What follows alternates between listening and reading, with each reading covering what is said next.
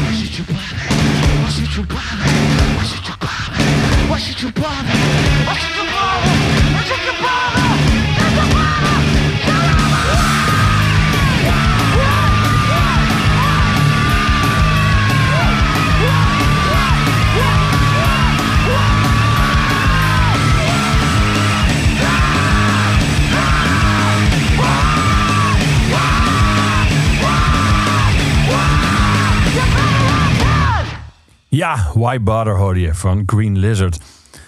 Lekker is die, hè? Ja, ik vind je, hem wel cool. had je hem al lang niet meer gehoord? Of, eh, Eh, nee, ik heb hem nu misschien een jaar niet gehoord. Ja, nee, een speciaal nummertje voor mij, denk ik. Eh, we hebben het ooit geschreven tijdens een soundcheck in de Willem II in Den Bosch. En ehm, ja, zoals onze manager Ton net zei, het is eigenlijk een uitstapje van waar Identity eigenlijk over ging. En eh, het past eh, niet in het geheel van eh, de, de, de klank van het album, maar het was ook een, duidelijk een kant van Green Lizard. ja, Eh, maar met dat album hebben jullie toen destijds wel een, in één keer een groot publiek bereikt. Jullie wonnen er een zilveren harp voor. Ja, en voor Turnaround, voor de single destijds, kregen jullie zelfs een gouden kalf voor de videoclip. ja, dat was mijn broer samen met zijn vriend Paul Watty. Die hebben toen de tijd hebben ze zichzelf opgesloten op zijn kamertje in Amsterdam. En hebben ze gewoon met voor die tijd eh, hele grote computers hebben ze dus een animatie gemaakt met z'n tweeën. En dat is eigenlijk best wel een prestatie. En eh, alle lof voor die twee. Ja, Ja, ja. zeker. Merkte je toen ook dat, ehm, dat er ander, eh, namelijk ook meer publiek op jullie shows begon af te komen toen die platen zo goed deden, die single? Oeh. Eh, in ons geval denk ik dat we kregen op een gegeven moment best wel veel aanhang door onze eh, live reputatie die we hadden. Ehm, we deden het schijnbaar heel erg goed op, eh, op tijdens concerten. We, we mochten mee met wat bands. En de plaat die er Als support bedoel je? Als, nou, als ja. support, ja. Of als, op festival, of, festivals of wat dan ook. En eh, de plaat hielp natuurlijk wel. eh, maar men wachtte ook echt op die plaat. Ehm, de plaat is enigszins ook wel een soort samenwerking van nummers die door de jaren heen zijn ontstaan. Maar we waren eerst voor altijd een live band. En ehm, ja, met eh, Turnaround en Autumn, vooral Autumn denk ik, eh, kregen we nog meer aanhang. Maar het was ook wel een beetje een rare tijd, want eh, toen begon downloaden in één keer heel erg hip te worden. Ehm, dus de industrie, eh, je kon het niet meer merken zeg maar, aan de verkoop. Niet dat het erg is, want wij stonden altijd wel voor van jongens, hoe meer we onze muziek verspreiden, gratis whatever, hoe beter. Want wij waren meer about sharing the music. Ja, dus eigenlijk werd, er werd wel meer geluisterd, maar niet per se meer verkocht. Ja, het was zeg maar de ommekeer van, van wat er toen eh, bezig was. Maar, yo, eh, Maar je had dat toen geen probleem. want er wa- was natuurlijk onder muzikanten was dat heel veel. Metallica kan ik me herinneren, die ging echt een strijd aan. eh, ja, tegen met Napster. Ja, wij waren pro-Napster. We droegen zelfs eh, t-shirts van eh Go Napster en dat soort dingen. Ehm, maar van... Jullie hadden niet zoveel met royalties. Ja, het- ja, iedereen heeft wel iets met royalties. Het is wel fijn als je geld voor krijgt voor waar je voor werkt. Dus dat, dat is het niet. Maar eh, het is ook fijn als je muziek wordt gehoord. En dat je kunt delen waar je het over hebt. Want uiteindelijk is eh, in mijn ogen eh, muziek gewoon een, een, een communicatievorm. Van hey, ik heb een verhaal te vertellen en eh, dit doe ik op, de, op dit moment op deze manier. Ja. Dus dat- is eigenlijk de puurheid van muziek maken, denk ik. Mhm. En ehm, Je zou ook kunnen zeggen, dit is, dit is een communicatievorm, dit is een kunstvorm, dit is, ook, dit is ook jouw ambacht. Dit is jouw werk, je hebt er heel veel tijd in gestoken, dus daar mag je ook geld voor verwachten. Ja, zeker. Dat is zeker waar. Maar het hoeft niet. eh, moet het dan meteen een strijd worden? Kijk, later eh, ben ik het wel eens met uh, Metallica. Weet je wel, hoe ze dat hebben, eh, hoe, hoe ze daarvoor hebben gevochten. Want het is natuurlijk wel, ehm, wat jij zegt, is hun, hun kunst, hun, hun ambacht, hun, hun arbeid. Ehm, maar dan nog vind ik het een beetje dubbel. Ik weet niet waarom. Hm. Misschien waren we ook een beetje punk toen, heel erg. Nog steeds hoor, in hart en nieren. Maar we hebben zoiets van, whatever man, uh, just dig it. Weet je, en kom naar de show, let's have a good time. Ja. Dus dat was het meer. Nu ik je toch hierover spreek, een gewetensvraag. Vorige week speelde, althans dat was de bedoeling, uh, Eric Burden van de Animals zou in de AFAS live spelen. En die kwam er net voor de show achter dat uh, de alle afspraken over uh, betalingen en voorschot en zo, die waren allemaal niet geleverd door de promotor. Dus hij, hij kwam er eigenlijk achter, net voordat hij op moest in een vrijwel volle AFAS live in Amsterdam, dat hij helemaal geen geld voor deze show zou krijgen. Is hij het podium opgegaan en heeft hij tegen het publiek gezegd: Sorry, ik ga niet voor niks spelen. Ik ben genaaid door de promotor, dus het spijt me enorm, maar ik kan niet spelen vanavond. En heeft het podium weer verlaten. Ik zag een enorme discussie online, ook met muzikanten. Van wat moet je in zo'n geval nou doen? Is, moet je zeggen, nou, eh, die mensen die daar zitten, 4000 mensen hebben allemaal een babysit genomen, naar Amsterdam gereisd. Die hebben, die hebben niks te maken met zo'n promotor. Die, die komen gewoon om jouw nummers te horen. Dus je moet sowieso spelen. Ja. Of waar, waar, waar, waar sta jij? Is je, is je ooit, Oh, is je- is je- moe- Ja, kijk, ik weet heb je ooit zoiets meegemaakt zelf? Met Queen? Ehm, nee, het enige wat ik heb meegemaakt, en dat is misschien eh, niks zeggen, maar er was een stroomstoring in, de- op het eh, eh, centrale, centrale plein van Waalwijk. En er was geen stroom meer. En er kon niet gespeeld worden. Dus eh, in ons contract stond van ja, eh, je moet gewoon betalen wat er ook gebeurt. En dat hebben ze ook netjes gedaan. En, eh, maar ik voelde mezelf als artiest een beetje eh, teleurgesteld. En bijna gefrustreerd zelfs, omdat je wilt toch spelen.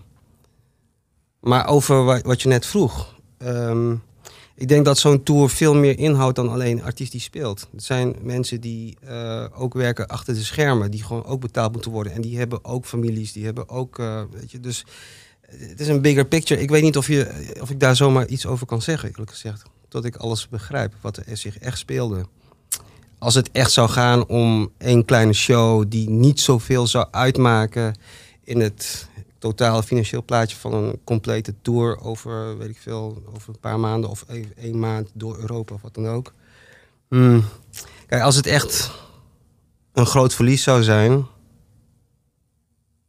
Ik weet, ik weet, ik vind het heel moeilijk. Hmm. Ik vind het echt super moeilijk.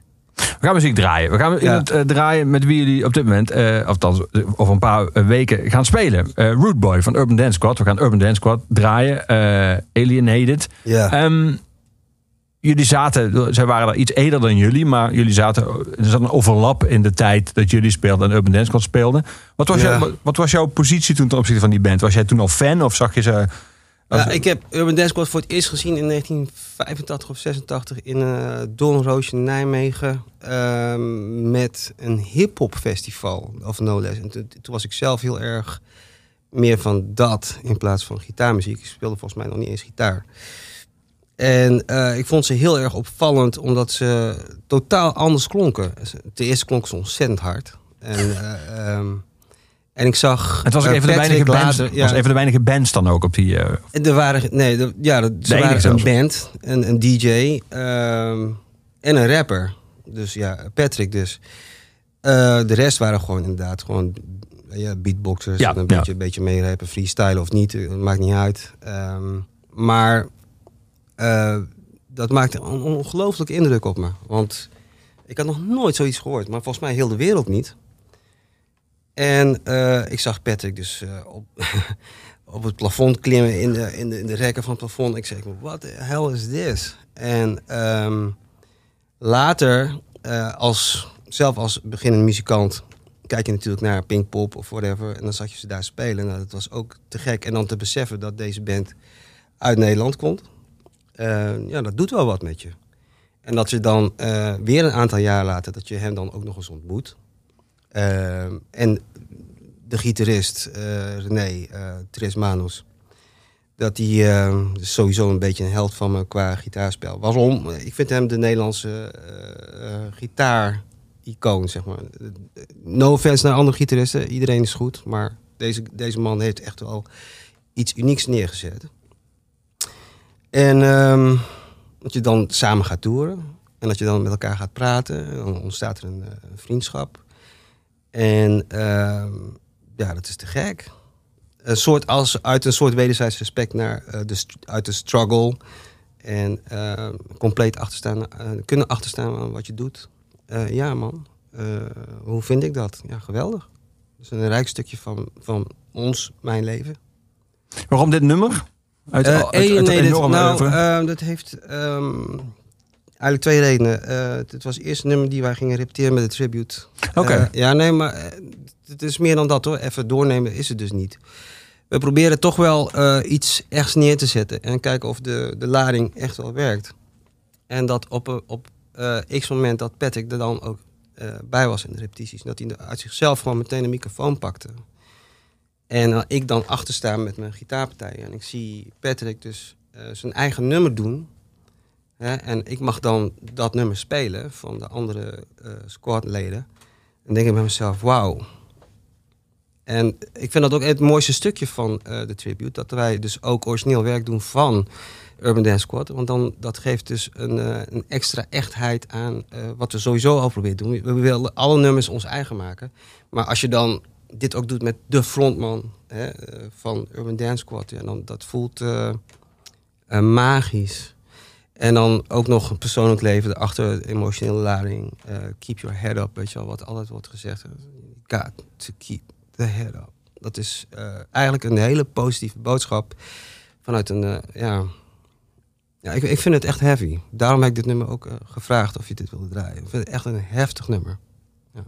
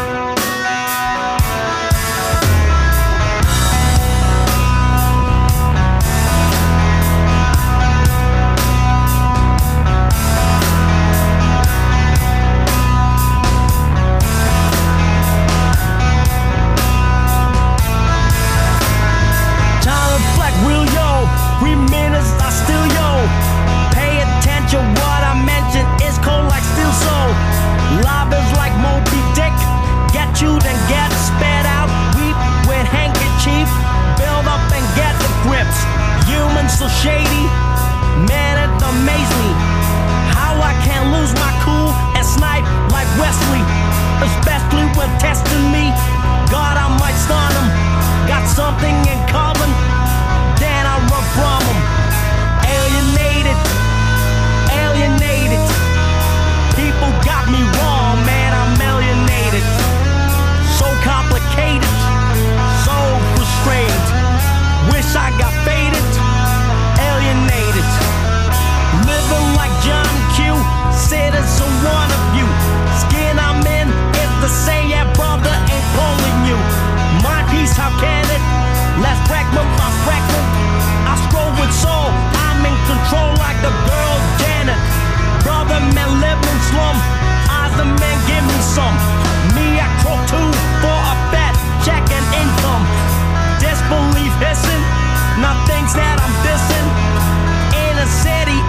zombie.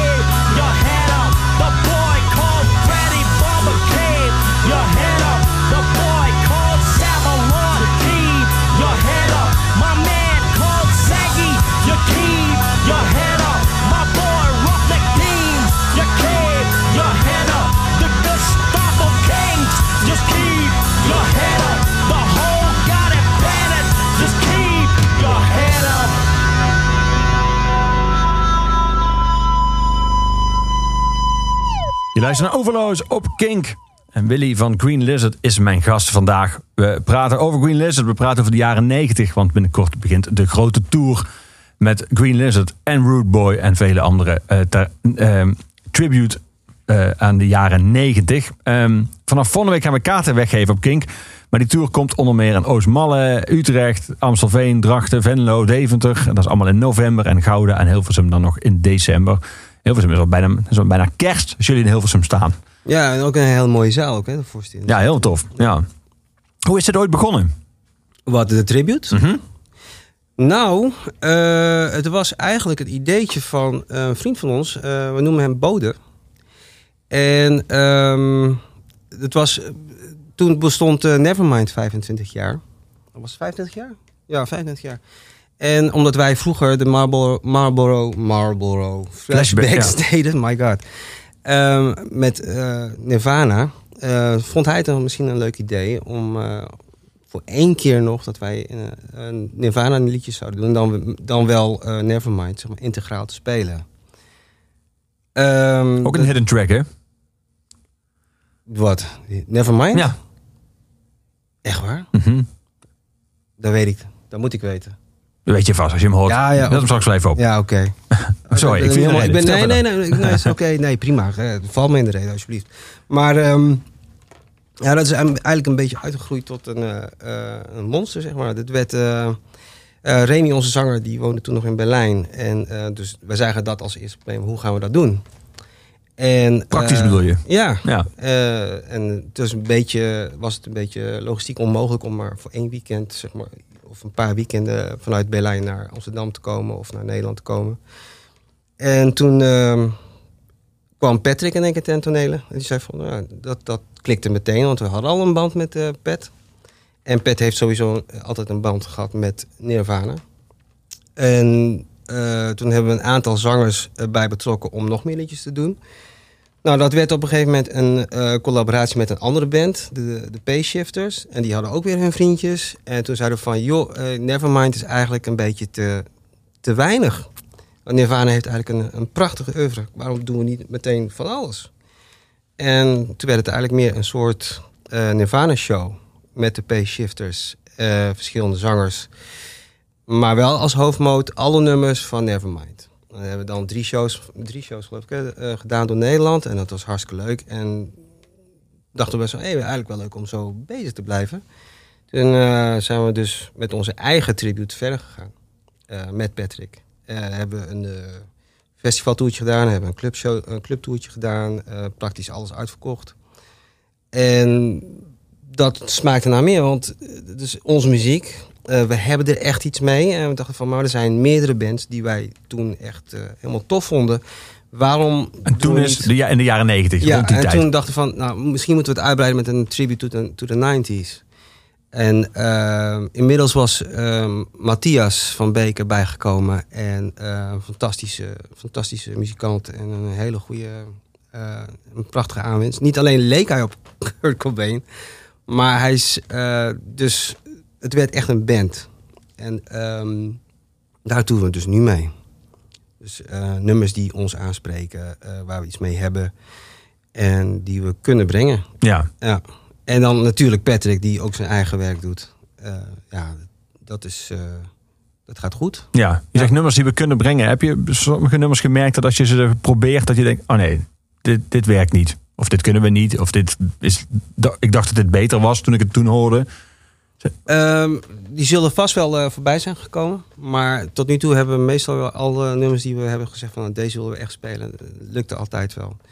Ehm, maar het brengen op de manier zoals we het moeten brengen. Dus het is jezelf eigen maken. En eh, met onze eigen energie. Dus in, in ons geval Green Lizard energie. eh, met de, de verrijking van Matthias. Met Patrick die dat ook op de front moet kunnen dragen. Ja, meestal voelden we elkaar wel op een of andere manier aan. Van, eh, ja, dit nummer wel, dit nummer niet. Eh, Ja. Weet je, dus... Maar jullie, eh, jullie geven jezelf de vrijheid om, om ook te herinterpreteren dus. Het is niet zo dat je zo, zo, zoveel mogelijk zoals het op destijds door die artiest op de Ja, plaat vind is ik gezet. wel. Anders, anders eh, heeft het ook geen leven voor jezelf als artiest. Maar eh, je houdt je wel vast aan bepaalde eh, eh, arrangementen en maar op die gewoon belangrijk zijn. Ja. Hè? Dus een gitaar. Maar het is wel een keuze. Hè? Sommige tribute bands die gaan er bijna prat op. Want als je je, je ogen dicht doet, dat je dan het gevoel hebt dat de originele uh, vertolker op het podium staat. Dat het zo natuurlijk Oh, maar dat is ook mooi. Dat is ook prachtig. Maar het is maar wat je zelf wilt doen. Ik, Ja. ik denk dat wij, ehm, tenminste, dan spreek ik meer voor mezelf. Ik vind het zelf interessanter om een vleugje Willy aan te geven. En dat is meestal eh, heel slordig, eh, maar wel rauw. Mhm. hè? En dat, dat ben ik gewoon. Ehm, ja, anders voel ik het niet. Maar ik kik wel op het, het feit dat het nummer zo geschreven is. En op die manier zo, zo moet klinken. Ja. Dus eh, de hoofdlijnen die, die zijn er dan wel. Ja. Ehm, als je kijkt bijvoorbeeld naar de analogs, eh, hoe die het aanpakken. Nou, dat is prachtig. Dat is eh, bijna wetenschap. Lof daarvoor. Hè? Eh, en dat is ook wel kicken als je dat kan doen. Hoe zij dat doen. En ook nog eens een band als de Beatles. Ga er maar even, ga er maar even aan. Nou, dat, dat, daar heb ik echt enorm veel eh, respect voor. ja. Ja, dus het kan allebei. Wat maakt, het bij, wat maakt dat, je zegt ook nog bij een band als de Beatles, wat maakt het dat ze moeilijker? Zijn die, die arrangementen gewoon ingewikkelder? Of is het ook het feit dat het al heel vaak gedaan is, eh, daardoor ligt de lat ook anders? Of, Beatles. oh man. of, of, is, of is die band zo heilig dat je al weet van als ik één fout maak, dan is dat verschrikkelijk? Weet je Beatles is? Ik denk dat met Beatles vooral is, is dat ze de diepte in zijn gegaan op een gegeven moment. En dat ze zijn afgestapt van eh, wat ze moesten doen. En dat ze heel erg terug naar zichzelf zijn gegaan. En dat ze het lef hebben gehad om te zeggen van... nee, eh, we gaan muziek maken op onze manier. En wat is onze manier dan?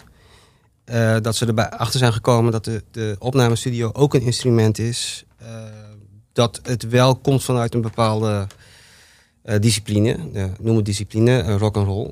Eh, maar dat je daar verder in kon gaan. En dan met die individuen toevallig bij elkaar, dat je dan inderdaad gewoon eh, muzikale hoogtepunten krijgt die soms of meestal nog niet zijn geëvenaard. Ja. Ik, ik, en, ik bedoel, en als je, daar als je daar dus een tribute aan brengt, dan heb dan je wel, doe je wat, ja. heb je wel wat, ja maar wat je- werk te je- verrichten. Je moet, laatst had ik het toevallig over. draaiden we nummer Tomorrow Never Knows. En ik zeg van, was bij, bij, bij iemand thuis. En ik zeg van, dit is gewoon gemaakt in de jaren 60. Maar het klinkt als een plaat van de jaren 90. Hoe dan? Ja, Dus eh, dat soort dingen. Ehm, ja. ja. We gaan Zero draaien van de Smashing Pumpkins, van Melancholy en Infinite Sadness. Ja. Gaan, gaan jullie die brengen bij deze tour? Oh, die hebben we uh, stevast gebracht uh, afgelopen tours. En nu weer? Ik weet, ik weet niet of deze de kat gaat halen. Ik hoop het wel, want het is een van mijn favoriete riffs ever. Er zit zoveel uh, onheil in. En dan... uh, is hij moeilijk? Om te spelen, mm -hmm. als je hem door hebt niet. Maar, Bijna maar, nee, maar bij Smashing Pumpkins is ook weer zoiets. Smashing Pumpkins, als je, als je diep in hun muziek gaat... Um, het is poëzie op muziek. Dus het, het, zit niet echt per se vast aan een, een normaal structuurschemaatje A, B, A, B. Dan ook. Het is gewoon zoals ik me voel op dit moment en waar uh, het naartoe moet gaan, dan moet het in één keer naar die kant gaan. En daar zijn ze ontzettend goed in geweest. En um, dit is misschien een wat simpelere nummer voor hun doen. Um, maar ja, die riff man, die is gewoon ijzersterk. Het is gewoon, ja, ja, draai maar. Het is gewoon vet.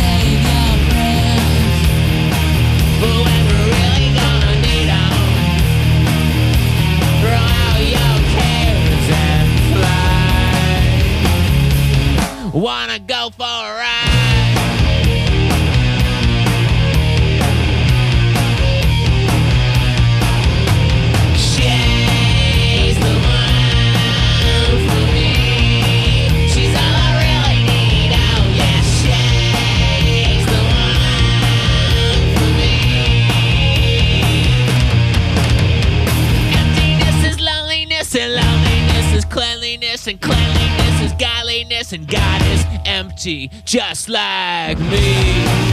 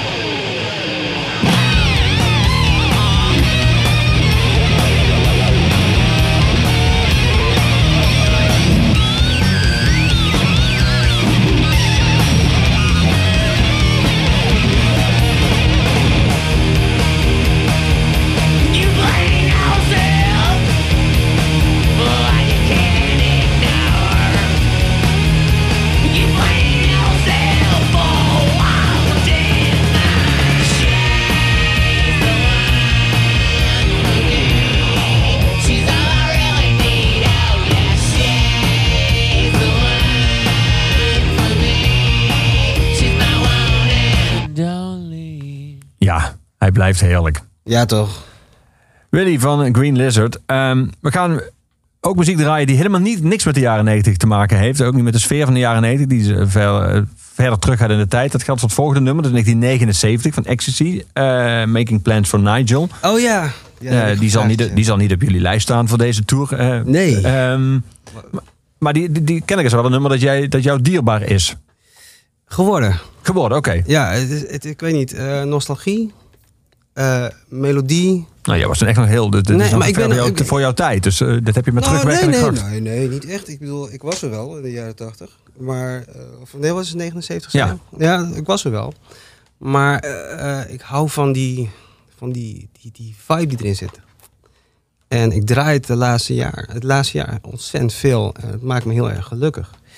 Ik heb best wel een goed jaar gehad, zeg maar. En voor dit soort gevoelens, if you know what I mean. Ja. So, eh, I must be happy. Is dat een groot verschil bij jou? Hoe jij je voelt eh, in relatie tot de muziek die eh, uit jouw speakers klinkt? Eh, voor mij persoonlijk niet, nee. nee het, het is altijd een reflectie op mijn innerlijk leven. Altijd. En niet dat dit per se een happy nummer is, maar it just makes me feel happy. Het geeft de vibes, vibes moeten kunnen voelen. En dit nummer heb ik eh, inderdaad aan jou eh, doorgegeven. En het is echt iets eh, wat, me nu, wat ik heel vaak mee, meedraag. Ik denk dat iedereen dat wel heeft.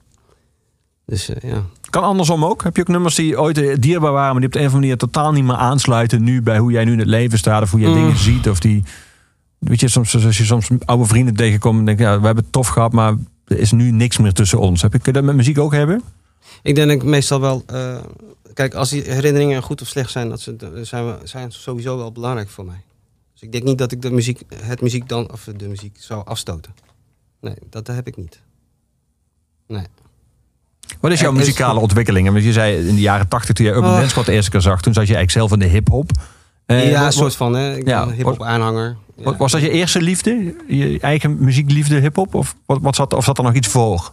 Nou, kijk, on- onze vader is muzikant. Eh, dus wat ik thuis meekreeg eh, was van eh, jazz, rock, fusion tot aan Earth, Wind and Fire. Ehm, vanuit daar ben ik als beginnende tiener ben ik fan geweest van Michael Jackson. Ehm, maar ja, toen kwam Prince. En ik ben nog steeds Prince-fan. Vanaf Purple Rain eigenlijk. Nee, 1999 vond ik hem interessant, maar Purple Rain was voor mij de, de omkeer. Ehm, toen ben ik gaan, net zoals veel jongens denk ik, eh, toen de tijd ben ik gaan, een beetje gaan breakdansen. Ehm, ben ik gaan rappen. Toen nog, hè. Toen, eh, daarna heb ik een gitaar leren vastpakken. Hoe oud was je toen ongeveer? Toen ik een gitaar begon vast te pakken, was ik 14. 15. Oké. Van wie kreeg je die? Ehm, nou, mijn vader had dus als muzikant natuurlijk wel instrumenten thuis. En ik zelf eh, was altijd wel op zoek naar iets om te doen. En mijn vader is, is eh, hoofdzakelijk eh, pianist. Maar eh, dat sloot nooit bij mij aan. En we hebben het een keer geprobeerd, pianoles, dat- Maar dat werkte gewoon niet. Dus ik was altijd wel zoekende. En op een gegeven moment, ja, dat klinkt heel cheesy... maar had ik een droom dat ik een gitaar vasthield. Ehm, de jongens met wie ik omging in de buurt, die speelden allemaal gitaar. Dat was een Indische, Indische buurt. Dus speelden allemaal gitaar aan tafel, noem maar op. En dan, daaraan wilde ik meedoen. Ehm, dus zo leerde ik mijn eerste akkoordjes kennen. En dan krijg je dus... Wel grappig als je het zo vertelt. Dus jouw, jouw eerste associatie bij de, of de, zeg maar, de soort van gevoelens van liefde Ja. voor gitaar was dus niet per se het geluid, maar ook gewoon het beeld.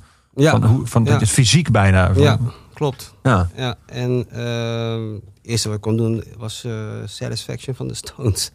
en en ehm, even kijken. ehm, ja, en dat is op een gegeven moment eh, verder gegaan. En toen kwam eh, de kennismaking met de, de power chords. En vanaf toen is het, ja, toen was ik verkocht. Ja. Ja, en maakte toen de tijd dus meer ethisch metal-achtige muziek. Dus gewoon heavy metal, zeg maar. Maar ja, toen kwamen de jaren negentig. En toen werd in één keer, alles werd in één keer heel serieus. En eh, daarin ehm, is mijn broer eigenlijk eh, heel erg ingekomen. Eh Remy en Brian speelden samen ook wel gitaar. Remy speelde eerst ook eerst toetsen. Maar het was met Remy's eer- eh, 18e verjaardag dat hij mij een eh, liedje eh, wilde laten horen die hij zelf had geschreven. En dat sloeg om. Dan had ik meteen zoiets van, wauw, met jou wil ik een band beginnen. En toen hebben we dat ge- gedaan. Op een gegeven moment de, de rest die we erbij hadden, dat viel uit. Want we repeteren elke zaterdagochtend om 9 uur. En geen één zelfrespecterende muzikant in Tilburg wilde om zaterdagochtend om 9 uur repeteren. En toen zei onze jongste broertje Brian, die zei van... hé, maar waarom niet met mij? En ik zoek wel een, eh, een bassist en een drummer. En dat was een van de beste jam sessies die ik ooit heb gehad. Want eh, het klikte meteen. Er waren drie broers, daar zat wel aan liggen. We begrepen elkaar en eh, dat werd op een gegeven moment uiteindelijk Green Lizard. Dus zo is het eigenlijk omgegaan. En ja, mensen hebben meestal met Nirvana, Smells Like Teen Spirit, dat, ehm, dat de polen omdraaiden voor Ja. de wereld, zeg maar. Ehm, ik denk dat dat voor mij eigenlijk Soundgarden was. Omdat het eh, toch nog een beetje dicht bij eh, metal stond, zeg maar. Eh, heavy rock. En met name, het, met name eh, Slaves and Bulldozers of eh Outshined. Want dat, is, dat was echt een, een eye-opener.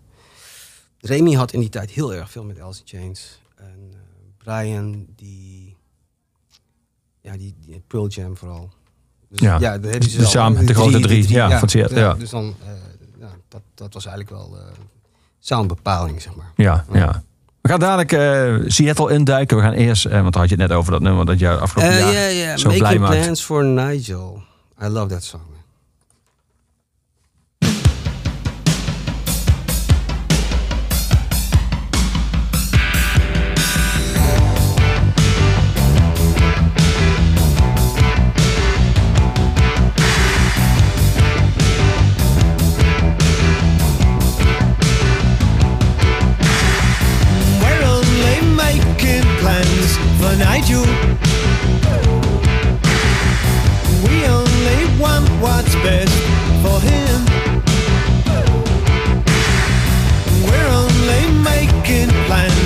Nigel.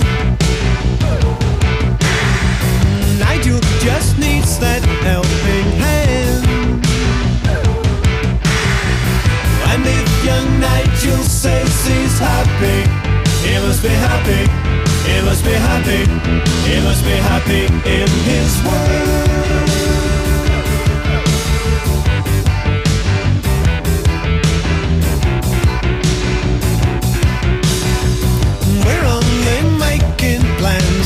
For Nigel.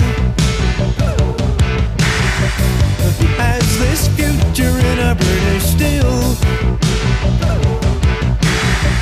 We're only making plans for Nigel. Nigel's whole future is as good as sealed. Yeah, and if young Nigel says he's happy, he must be happy. He must be happy. He must be happy in his world.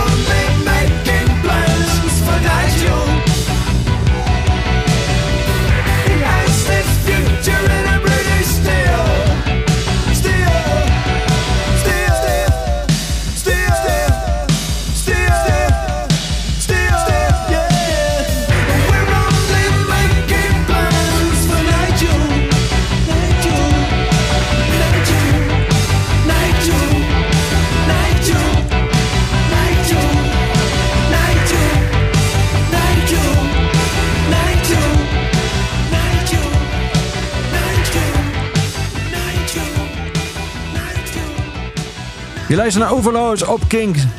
Seizoen 1, aflevering 36. En Willy van Green Lizard is mijn gast. We praten naar aanleiding van de Tribute to the 90s Tour in november en december. Je kan online overal de data vinden, ook op de Kink-site dadelijk. Want we gaan ook kaarten voor weggeven. Maar ik zal ze even snel doornemen. Oostmalle, Utrecht, Amstelveen, Drachten, Venlo, Deventer. Dat is november. En Gouda. En dan net voor kerst, 21 december, Hilversum als laatste datum van de Tour. Eh, Willy, je had het net al over eh, Soundgarden. Die gaan we dadelijk draaien. Ook dat nummer eh, waar je het over had. Slaves and Bulldozers. Maar je noemde eigenlijk al die andere bands. Hè? Pearl Jam, Nirvana hebben we het natuurlijk over gehad. eh, ehm, Alice in Change. Yes. Soundgarden. Dus het was een beetje bij jullie gelijk verdeeld over de familie. Zeg maar, over de broers. De, de, de... The fractions were there. Precies, ja. Was dat, was dat allemaal gedeelde liefde? Of hadden jullie dan ook hevige discussies over wat nou de beste van die bands was? Of, welke? Nee, nee, het was alle... of hielden alle- jullie allemaal sowieso ook van die andere bands? Nee, de een had gewoon meer affiniteit met de een dan de ander. Ja. Eh, maar we hadden allemaal wel eh, hetzelfde gevoel bij alle bands. Eh, er- gebeurde iets. En er wordt heel veel gesproken over ehm, dat het grunge heet of zo. Maar dat, dat is, is het eigenlijk helemaal niet. Het zijn gewoon, het, het zijn gewoon rockbands die iets proberen te doen. Wat ik wel opvallend vind is dat daar wel iets unieks gebeurde. Dat zeker wel. Maar, ja, zat eh, natuurlijk een, dat, dat zo'n overkoepelend eh, labeltje nodig. Dat wat grunge. Dat had ik een soort stad nodig. Dat was dan, toevallig kwamen al die mensen kwamen ja, uit Seattle. Ja, Eh, precies. Terwijl, ehm, maar het was gewoon een sign of the time, man. Het Ja. was gewoon iets, er was gewoon iets aan de hand. Er was Ja. gewoon een antireactie op, eh, de, op wat er gebeurde op MTV. En, ja, het was ook een afrekening zou je kunnen zeggen. En vrij hardhandig ook voor sommige bands met de hair metal uit de eind jaren tachtig. Sommige Ja, ja, bands waren ook in één keer weg. ja.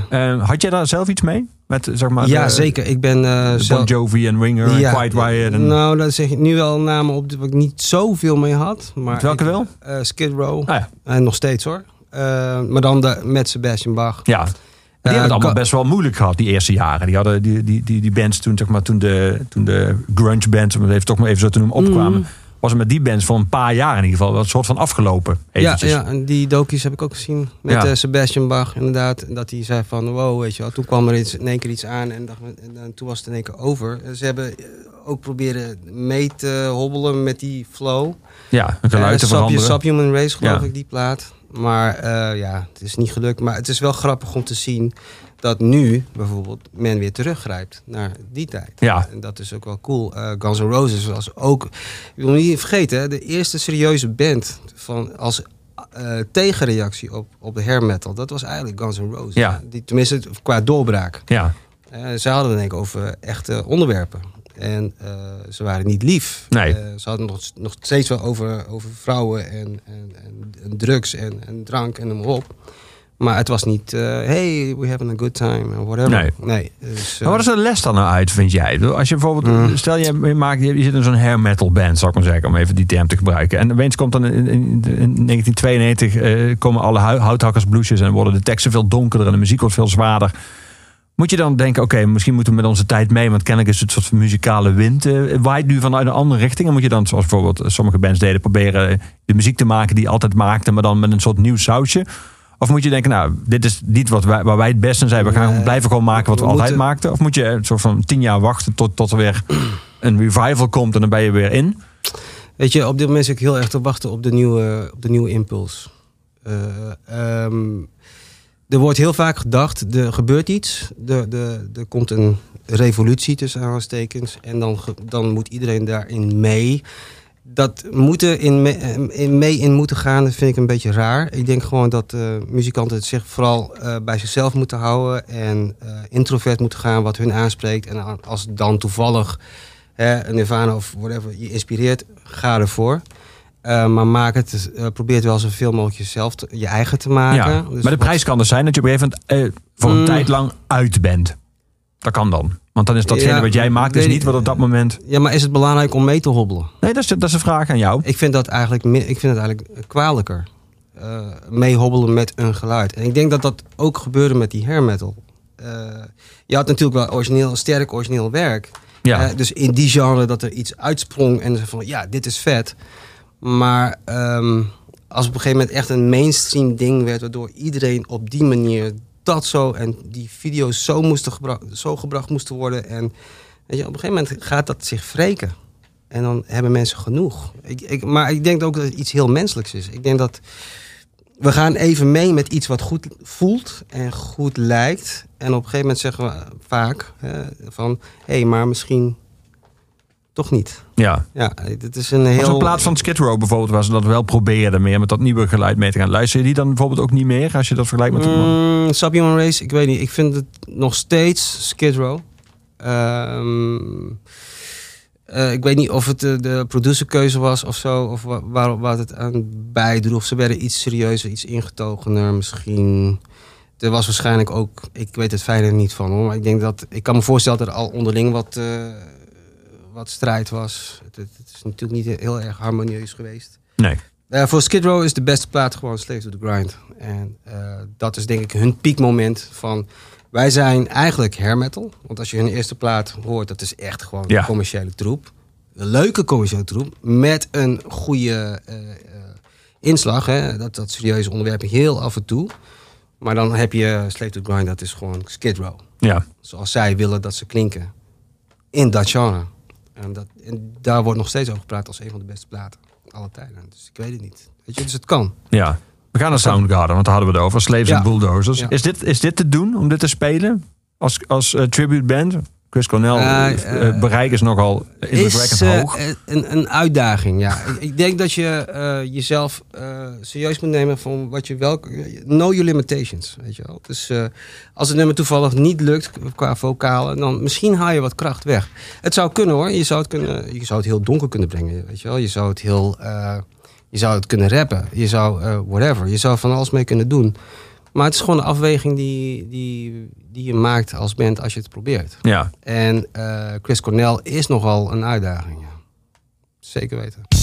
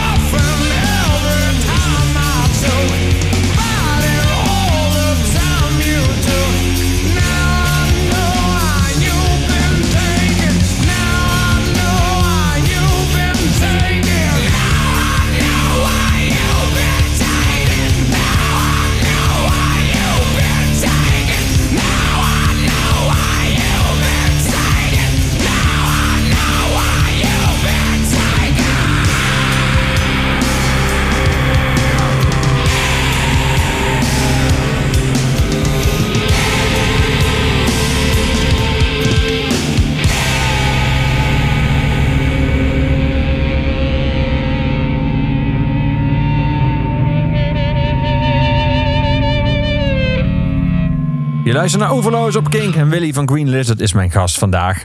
Willy, we hebben het over muziek. We hebben het over eh, de muziek uit de jaren 90, maar ook uit 1979, bijvoorbeeld het geval van Ecstasy. Je had me een lijstje gemaild van nummers die je eh, graag zou willen horen. Die kunnen we niet allemaal draaien, omdat we gewoon dit programma slechts twee uur duurt. Jammer. Helaas. Ehm, ik was wel verbaasd door de breedheid van jouw muzikale smaak. Maar ook, het, grappige is, we hadden het net even over Michael Jackson. Maar die ga ik niet draaien, die ik nu ga noemen. Maar R. Kelly had je bijvoorbeeld ook genoemd. Ja, Ehm, die past niet helemaal bij Kink. En niet omdat eh, R. Kelly een pedofiel is, maar vooral omdat hij, muziek, maar- omdat hij muziek maakt die niet zo des Kings is. Maar het grappige is dat er voor sommige artiesten inmiddels een Ja. discussie voert, eh, wordt gevoerd over het feit of je die nog wel mag draaien, of die nog wel goed mag vinden. ja. R. Kelly zit nog steeds in jouw hart, ondanks alles wat hij heeft Nou, in uitgevoerd. mijn hart, het is meer een, een band. Kijk, dat liedje, Bump and Grind, hebben we het over. Ja. Het is een soort anthem in de, in de, in de bandbus. Dus da- daar krijgen we gewoon, om- vanwege het begin, weet je wel, eh, I don't feel nothing wrong with a little bump and grind. Het geeft ons gewoon een goed gevoel. Meer niet, weet je wel. Ik vind het, het zit vol humor. Misschien kun je die andere wel draaien, die andere, andere broeder. Die ik ook had genoemd. Ik weet niet. Of, of... Laat even het begin luisteren, dit wordt wel interessant. Dit, dit is... My mind's telling Oh. me no. Dit is, dit is dat begin. Dit is Ja, maar is toch anthem. goed, man? Ja, heel goed. But my body, Oh! my body's telling me yes. Preach! Baby, I don't wanna hurt nobody. De tekst is inderdaad nu... is something best wel pikant. Ja, maar klopt toch gewoon? En dan de beat, hè? Wacht even. even. Alleen de beat. Alleen de beat. Oh. Dan moet ik me dan een hele bandbus vol Green Lizard leden voorstellen die zitten mee te zingen of dansen? Zeker dan? weten. Gaat ook een beetje uit naar mijn bandbroeder Axel. Ja. Ja. Is er, ehm, is er voor jou een, een, een verband tussen hoe sympathiek je een artiest vindt en hoe goed je zijn muziek vindt? Of staat dat helemaal los van elkaar? Los. Oké. Los. Kijk, een song is een song. eh, de artiest. Ja, zoals R. Kelly. Ik weet niet hoeveel. Wat, ik, weet, ik weet het fijne niet van. Ik ben heel voorzichtig met uitspraken over andere mensen. Ja, laten we, laten we aannemen gewoon voor de, voor de, voor de sake of the eh, discussion dat, alle- dat alles waar is. Dat eh, alles waar hij van beschuldigd is waar is. Maakt dat dan, bijvoorbeeld, maakt het dat dit nummer dan minder goed? Of maakt het dit nummer dan geeft een soort van vies randje aan? Of ja, maakt vies het- randje. Oké. Jawel. Ik vind 14 jaar wel heel erg jong. Ja, Ik vind het niet goed. nee. Nee, sorry. Nee, niet oké. 18 is ook al jong hoor. Dus als je luistert, R, niet tof. Maar in- in, Nee, de maar, bandbus, yo. in de bandbus van Green Lizard word je gewoon... ja, eh, ja, maar kijk, misschien juist omdat het zo fout is, werkt het wel. Weet ik veel. I don't know. Maar die andere, van Rick James. ja, Rick James. Ook zo'n liedje. Worden we ook heel erg blij van. ja. Ja, het zou je niet zeggen. Ja, kun je dan een rockband in, eh, en dan... eh, Nou ja, daar was ik ook benieuwd naar jouw muzikale... Die leek natuurlijk ook... Als je het hebt over de platenkast van jouw vader... is ook veel breder dan alleen rock. Als ik het zo en nee, maar, funk en... eh, zeker, zeker. Maar mijn vader houdt van alle, als het maar goed is. In, Ja. in- tenminste, wat is goed? Smaak valt natuurlijk altijd wel te twisten. Maar Schrokte hij toen begin jij je gitaarversterker bij jullie thuis open draaide? Of vond hij dat ook meteen gaaf? nee, want mijn eerste gitaarversterker heb ik van mijn vader gekregen. Ja. En mijn moeder, by the way. Ja. En elektrische gitaar ook. Ja. dus- Maar goed, dan weet je nog steeds niet wat eruit komt. Als je dan een, van de keihard... Nee, dat weet, kijk, mijn vader is ook een rocker. Dus die, ehm, toen in zijn, in zijn tijd heeft hij ook een rockband gehad. En dat was toen, eh, ja, early 70s. Dat was meer met een eh, Latin flavor. Eh, maar ja, hij is nog steeds een rocker, hart en nieren. Ja. Ja. We gaan eh, Killing Joke draaien. Yes. Over yes. ongelooflijk intimiderende openingsrefs van nummers Kill- gesproken. Killing Joke is ook een van die bands die ik eh, pas geleden weer heb herontdekt. Want iedereen kent die hits van vroeger wel, de jaren 80, weet je wel. eh, Love Like Blood. ja, precies. eh, Ze gaan op 80s. tour nu met Tool. Ze waren toch pas geleden in de Klopt. Ja, we gaan naar Amerika. Doen zij het voorprogramma van Tool. Tool? Ja. Fijne line-up, hè? Wat? In Amerika? Ja. Oh man, heb jij, heb jij kaartjes? Nee, nee, nee. nee. Kun je me daar krijgen? ja, kom ook. Nee, ja. nee jammer man. Maar eh, nee, eh, Killing Joke, echt eh, gevaarlijke band altijd geweest. Als ik me niet vergis, is dit met Dave Grohl opgenomen? En dat is ook wel grappig, vind ik dan. Want, Dus die, die, dit is die, dat album in 2003 met die gele hoes, met dat rode... ja, ja, en ehm, terwijl zij dus een rechtszaak waren begonnen ooit tegen Nirvana voor, voor Come As You Are. Dat leek dan op 80s. Eh, heb ik allemaal, allemaal gehoord van onze band, bandlid Matthias. Eh, die weet veel. En, ehm, maar dit nummer, toen ik dit hoorde, dacht ik bij mezelf, wauw. En later bracht de, brachten de Foo Fighters een nummer uit, heet Run. Dan hoor je een beetje diezelfde zelfde groove op de drums. En denk ik van, oké, weet je. Wat is die band tussen Killing Joke Ja, en ja. Nirvana? ja. Maar eh, het is wel cool dat eh, Dave Grohl dus wel heeft meegespeeld. Want het, het getuigt weer voor, van onderlinge respect voor elkaar. En wat ze allemaal voor elkaar, met elkaar hebben meegemaakt. Eh, direct of indirect. ja. Eh, Geweldig theatrale liveband ook. Vooral de Ja. frontman natuurlijk. Ehm, heel donker. Dat kan natuurlijk ook veel van die muziek waar we het zojuist over hadden. Die muziek uit eh, Alice in Chains, eh, Soundgarden ook. Ja. Sprak, jou dat toen ook aan? Dat het donkere muziek was? Dit nummer. Mhm. Nou, ehm donkere muziek laat je een beetje op een bepaalde manier voortbewegen. Het doet wat met je. Ehm, ja, het toevallig bij mij donker is qua spelen. Ja, dat is natuurlijk wel heel erg lekker om een beetje die evil. Nou, evil is een groot woord, maar ik, je snapt wat ik bedoel, eh, om daar iets mee te doen. Hè? Eh, en een vraagteken opwerpen bij mensen of niet, of bij mezelf. Of... Ik ben nou te vaag, denk ik. Ja, nee, dit, ik vind het nummer vooral inderdaad, misschien als jij zegt donker, vind ik, ik vind het gevaarlijk. Ik vind het gevaarlijk klinken. De drums, eh, de, dat, dat dreinen, die, die, de deinende zang erover. Ja. Het is, het is fantastisch. Zeven minuten lang dreiging eigenlijk. Ja, precies. Ominous as fuck. Zo, Ja. Mag dat op de radio? Ja. Alles mag hier. We zijn in Nederland. Zelfs R. Kelly. We gaan luisteren naar Killing Joke met de Dead and Resurrection Show. Yes.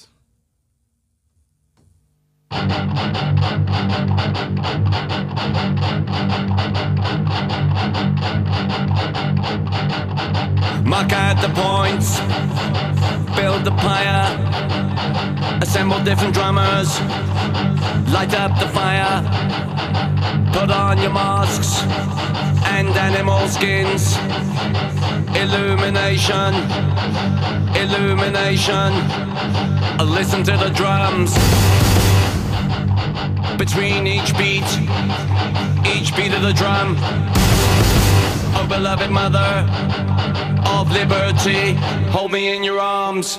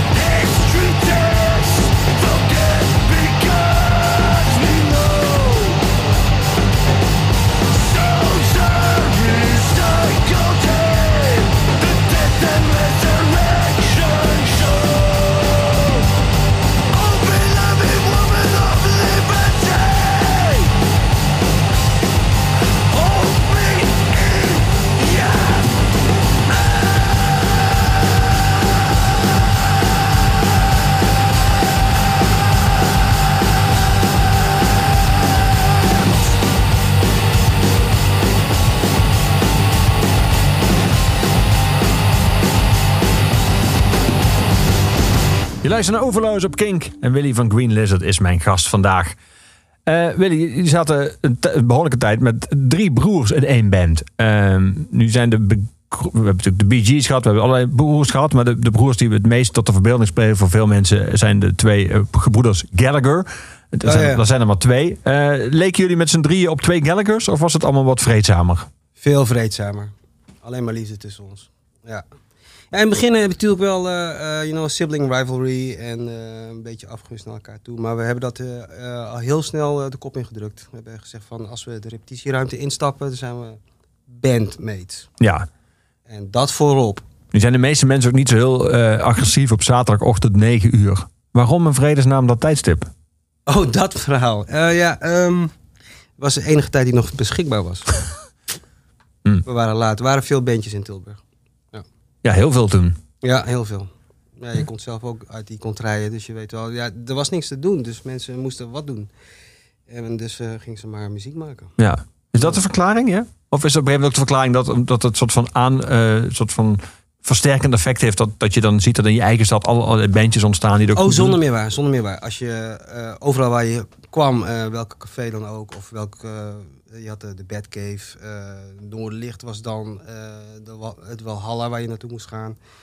Eh, er gebeurde on- gewoon ontzettend veel. En er waren ook eh, eh, de lokale on- horecaondernemers die ondersteunden dat ook heel erg. Die stelden hun, eh, ehm, hun podia zeg maar open voor jongens, kom maar spelen, kom maar spelen. Ja. En, en waar je ook ging, dus ergens op één hoek stond er wel iemand eh, muziek te maken. En dat, is is, vrucht- nog steeds zo. Dat is wel vruchtbare grond dan ook. Ja, Ja. dat is nog steeds zo. Maar ik denk dat... Ik maakte altijd een grap. Ja, er is gewoon geen flikker te doen. Dus dan eh, maak je maar muziek. Nee, ehm, er was zeker wel een... eh, een ja, er is ook een boek uitgebracht. Hè? Ik weet niet of je dat hebt van Paul Geerts. Ja. Daar wordt dat heel mooi in kaart gebracht. Maar er zijn nog wel meerdere steden, denk ik aan. In eh, Nederland. Zeker, maar vaak zie je inderdaad, dat zag je bijvoorbeeld in Zwolle ook met hip-hop, dat als er Ja. dan een paar beginnen en waarvan eentje ook succesvol wordt, zag je ook in Noord-Limburg met de Heideroosjes en Rovenhees en zo. Ja. Dan, dan wordt dat een gebied waar gewoon veel gebeurt. Is het ook iets van de tijd, kunnen we dat zeggen? Dat eh, zeg maar eind jaren 80, 90, dat er echt, echt iets gebeurde met de Nederlandse bands. Dat ze op een gegeven moment ook erkend werden. Misschien dat de, de, de festivals wat groter werden, de, de nevenfestivals. hè. Bij ons was dat mondiaal dan. Ja, Dat begon te groeien. eh, dat werd dan steeds groter. I don't know. Landelijke erkenning. Eh, I don't know. Het was wel een magische tijd, denk ik. Wat beschouw jij zelf als een, moment dat je echt wist van... oké, nu zijn we echt... eh, dit, dit is gewoon... we kunnen hiervan leven. Dit is een soort van... we hebben iets opgebouwd. Dit, dit staat. Is dan zo'n prijs, zo'n zilveren harp, is dat belangrijk? Of, of is het meer dat je op een groot podium staat? Of dat je de eerste uitverkochte tour hebt? Nou, kijk, wij eh, werden uitgenodigd om op Pinkpop te komen. En daar te kamperen, want we stonden als eerste op de reservelijst. En het is grappig dat je dat weer Kelko broertjes, hebt. Want, eh, dus wij moesten dus backstage, moesten ons aanmelden. En toen zei eh, onze boeker, die zei van blijf even hier bij het productiekantoor. En eh, inderdaad, een band was uitgevallen. En wij kregen dus het nieuws van jullie, jullie mogen spelen. Eh Pinkpop 2000 we hadden net ons. En toen Jan Smeets dus in het begin van het festival een aankondiging deed waar dus werd genoemd dat wij moesten invallen voor Maloko. En eh, dat hoorde je dan naast de tent gebeuren. Je hoort een stem dat omroepen. En dat je dan het publiek hoort juichen. eh, op een eh, manier zoals je nog nooit hebt gehoord. Dus echt duizenden mensen die allemaal juichen op, op het noemen van jouw naam. Ja, dan denk je bij jezelf, oké, nu hebben we iets gedaan. En ja, dat is eigenlijk het moment voor mij. Ja, Dus, eh, weet je, zo, als je dat zo zegt, snap ik dat helemaal. Ja. ja, het is echt het is niet, te- niet te vergelijken, zoiets. Nee. Voor een klein bandje uit Tilburg die alleen maar heeft, eh, hard heeft geknokt om eh, te kunnen blijven spelen op podium, op podium, op podium. En dan denk ik dat. En dan dat respons. Ja, magisch. ja. Ja. We gaan naar die band luisteren waar we het al heel veel over gehad hebben. Die band waar ook eh, deze tribute tour mee begon. Die, waar we alleen, eerst alleen maar het repertoire speelden. Maar dat is natuurlijk veel breder geworden. Maar ze zijn nog steeds wel belangrijk, ook in deze tour. Nirvana. Eh, yes. Waarom dit nummer? Waarom Tourette's? Eh, twee redenen. Ehm eerste reden is omdat ik persoonlijk vond dat we niet per se de, de geëikte hits constant moesten spelen. En dat vond de rest van de band ook wel. Het was juist leuk om alles een beetje aan te kleden met ook obscuurdere geluiden die ze hebben voortgebracht. Omdat ja, Nirvana is een eh, machtige band geweest. En eh, ik mocht dit nummer dan doen. Eh, het was een, een leuke twist om te doen zeg maar, in de set. Maar later, als je naar mijn zeggen waar het nummer over gaat, is er eigenlijk iemand die zijn vrouw niet vertrouwt of zijn partner niet vertrouwt. En die kan zijn vinger er niet opleggen, dus dan schreeuwt hij het er maar uit. Ehm, op dat moment dat ik dus dit moest doen, in Hilversum no less, kreeg ik te horen dat mijn vrouw wilde scheiden. En dat doet wat met je. Eh, en daardoor kon ik het nummer steeds meer met meerdere overtuiging brengen. Dus het werd echt een deel van mezelf. En ik, ook ik schreeuwde op een gegeven moment, eh, ik weet het niet meer. Maar het was gewoon zielenpijn die je gewoon eh, eruit schreeuwt. En dankzij Kurt gaf me dat dus een medium te doen. Zijn nummer Tourette's. En daarom heb ik het erbij gezet. Het, het, het, het, het, zit, net als Alienate bijvoorbeeld, het is heel Ja. dicht bij mij. En ehm, ja, het is pokkenherrie. Maar eh, zwaar beladen pokkenherrie. Ja. Ja. En blijft dat dan ook beladen? Of, of app- Ja, ja, ja, sorry. Altijd, Ja, zeker. ja. Ja. Ik ben daar heel gevoelig voor. Ik, eh, alles eigenlijk heeft iets te maken met eh, mijn, eh, mijn zielsleven. Ja. Maar dit is, eigenlijk, dit is eigenlijk dus het contrapunt van Making Plans for Nigel. Dit is de andere kant. Ja, zeker. Ja, we gaan dan luisteren. Eerst Nirvana. Moderate rock.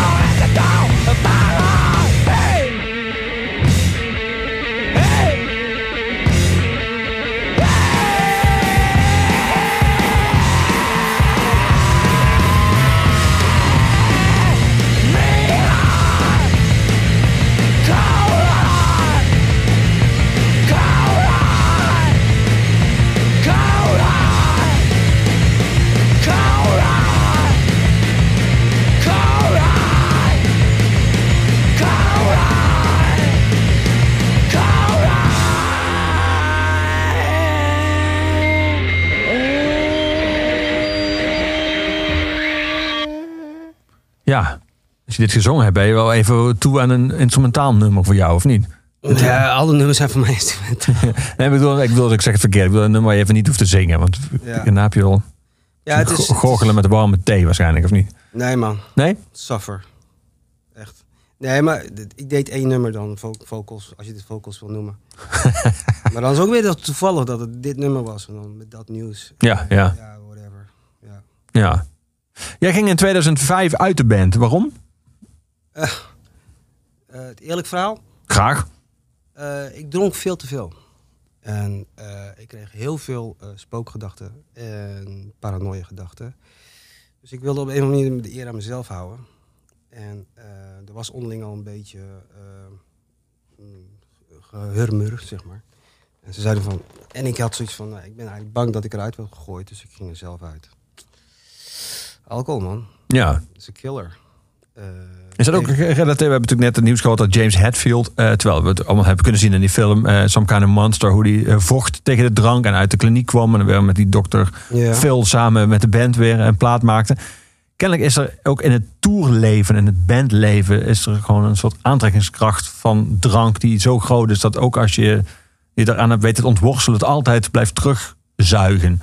Wat, wat, wat, wat is dat? Is dat Nou, ik heb daar een ander idee over. Ik denk gewoon van mensen kunnen drinken of niet. En ik ben een van die mensen die gewoon absoluut niet kan drinken. Ik doe het ook al bijna tien jaar niet meer. en met niet bedoel je dan, je kan het niet met mate. N- nee, gewoon nul. Nul procent. Niks. Geen ene druppel. Dus niks met maten, whatever. Nee. Ja, ja, ja, wat jij zegt is... Ja, sorry, Omdat je niet met begrijp mate verkeerd. kunt, doe je het helemaal niet. Eh, juist. Ja. Het gaat meteen over. Het gaat meteen te ver. Ja. En, ehm, ja, en die aantrekkingskracht van. Nee, ik, ik, ik persoonlijk vind het leuker nu dan toen. Omdat maar je- misschien be- stap je erin van eh, lang leven de party, lang leven de lol. Maar die lol eh, maakt er veel meer kapot dan eigenlijk de bedoeling is. Maar heb je dan nu geen eh parties meer? Of ben je degene die als eerste weggaat? ik ben gisteravond gaan stappen tot de, de, de, la, of de hele vroege uurtjes.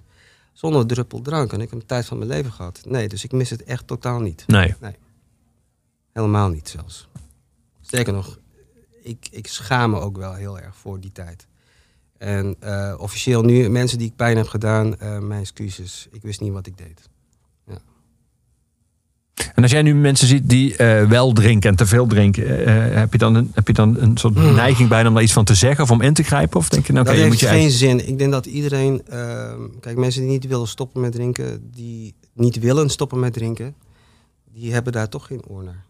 En eh, iedereen heeft recht op zijn eigen pad. Eh, en ook eigen beleving dus. Dus je hebt ook je, je, het recht op je eigen desperation op een gegeven moment. Ja, Dus op je rock bottom. ja. Ja.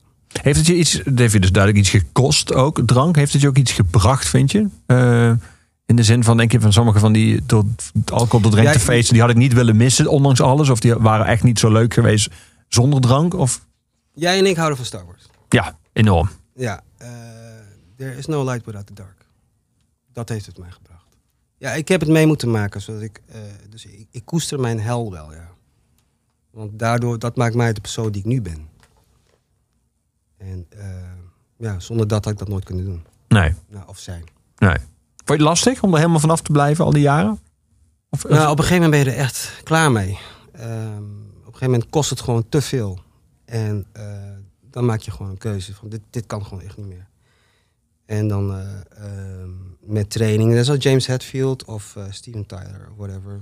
eh, dan ehm, maak je daar de keuze voor en dan zoek je daar hulp bij met gelijkgezinden. Ja. En dan ehm, probeer je er doorheen te komen. En voor je het weet, ben je tien jaar verder. Ja. En toen je de eerste keer weer ging spelen en dan eh, helemaal nuchter, eh, was dat heel anders? Ik was banger. Ik was nerveuzer. Ik, eh, ik was banger om het te, te verpesten of wat dan ook. Wel ja, drank geeft je toch een soort van valse bravoure. Ja, overmoed. Ja. Ja. ehm, maar door, ik vind het wel fijner om te musiceren, want ik voel het veel intenser. Ik kan het veel meer emotioneel be- benaderen. ja. Omdat ik inderdaad wat Komt kan meer voelen. binnen. Ja. Dus ik ben niet zo verdoofd eigenlijk als het ware. Nee. Nee. We gaan Prince draaien. Die noemde Yes. jij als een van je andere grote helden. Ehm, natuurlijk ook een ongelooflijk goede gitarist. Maar wat, wat, wat, is, wat is het vooral bij hem? Is het het feit dat hij... Ik denk alles. alles Ik, kan zeggen, ik eh, wou in ieder geval alles gaan opnoemen, maar er is zoveel bij Prince. Nou, eh, wat voor mij belangrijk is van Prince is dat hij het zo to the point kan brengen. Eh, qua tekst en eh, melodiekeuze ook dus. Maar ook qua groove. Hè? Eh, hij zet een beat neer en dat klopt gewoon met wat hij wil vertellen. En gaan we een liedje spelen wat wij... Pop Live. Ja, Pop Ja. Live. Pop Live is absoluut mijn favoriet. Van Around the World in a Day. Yes. Uit 1985. mm, en daar was ik bij. Dat was mijn eerste concert trouwens. Mijn allereerste concert, echt een groot concert ever. Dat was in de Ahoy, Rotterdam. Zo, ligt de lat wel meteen heel hoog daarna. Wow, ik was gewoon heel erg fan en ik Ja. wou het gewoon heel erg zien. En eh, ja, ja, het was echt fantastisch. Het was echt te gek. Maar ben je hem ook blijven volgen? Nou, met natuurlijk even de artist formerly known as Prince. En toen de Symbol. Mm. En toen de artist formerly known as the artist formerly known as Prince. En toen ging hij op eigen beheer. En toen bracht hij heel veel platen uit. Ja. Ben je alles blijven volgen in die tijd? Of heb je ook Nee, nee, want het was te veel. Ja. Eh, eh, ik had mijn eigen muziek natuurlijk ook. He Kinda Lost Me, want vroeger was, was ook wat meer rock georiënteerd. Alles was meer rocky. Maar later is hij, heeft hij me weer gepakt met eh, eh, Third Eye Girl. Die, Ja. die incarnatie vond ik sowieso een van de beste incarnaties die hij ooit heeft gehad. En eh, maar Pop Life, man, het is zo'n positieve boodschap eigenlijk. Ook op de dark side. Ja, Van, hé, hey, weet je, maak je niet te druk. Ja, we gaan naar luisteren. Hier is Prince met Pop Live. thank you.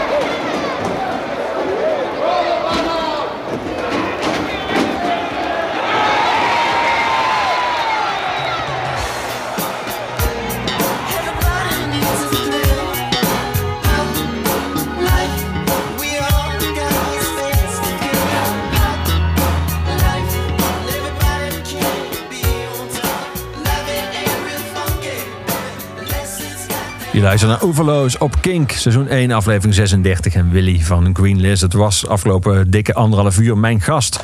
Ehm, Willy, jij gaat op tour. We hebben het er uitgebreid over gehad. Ik ga nog even de data vertellen. 1 november Oostmalle, 2 Utrecht, 8 Amstelveen, 9 Drachten, 16 Venlo, 22 Deventer.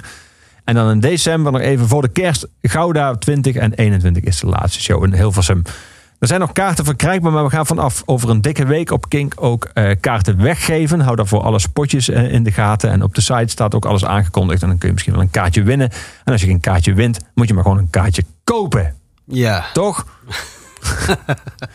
Zijn jullie inmiddels in, in de laatste fase van de rehearsals? Of staan jullie eigenlijk gewoon al strak om het podium op te knallen? We zijn altijd strak om op het podium op te knallen. Dag en nacht kan ik jou wakker maken. ja hoor.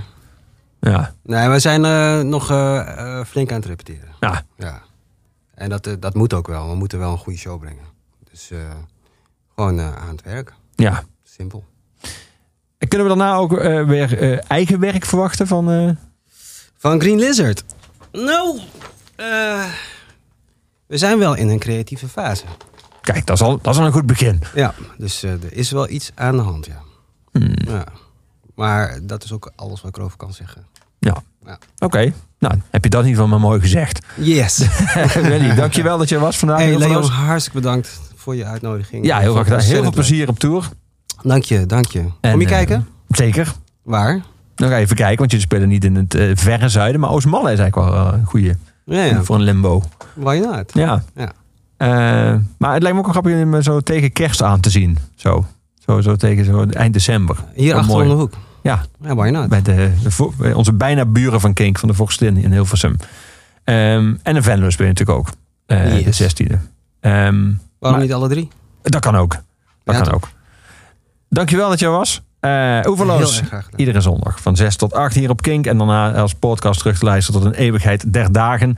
Het laatste woord van iedere Oeverloos is aan onze eigen huisdichter Luc de Vos. Het laatste nummer is altijd van Gorky. Hier is Gorky met elektronica voor geliefden.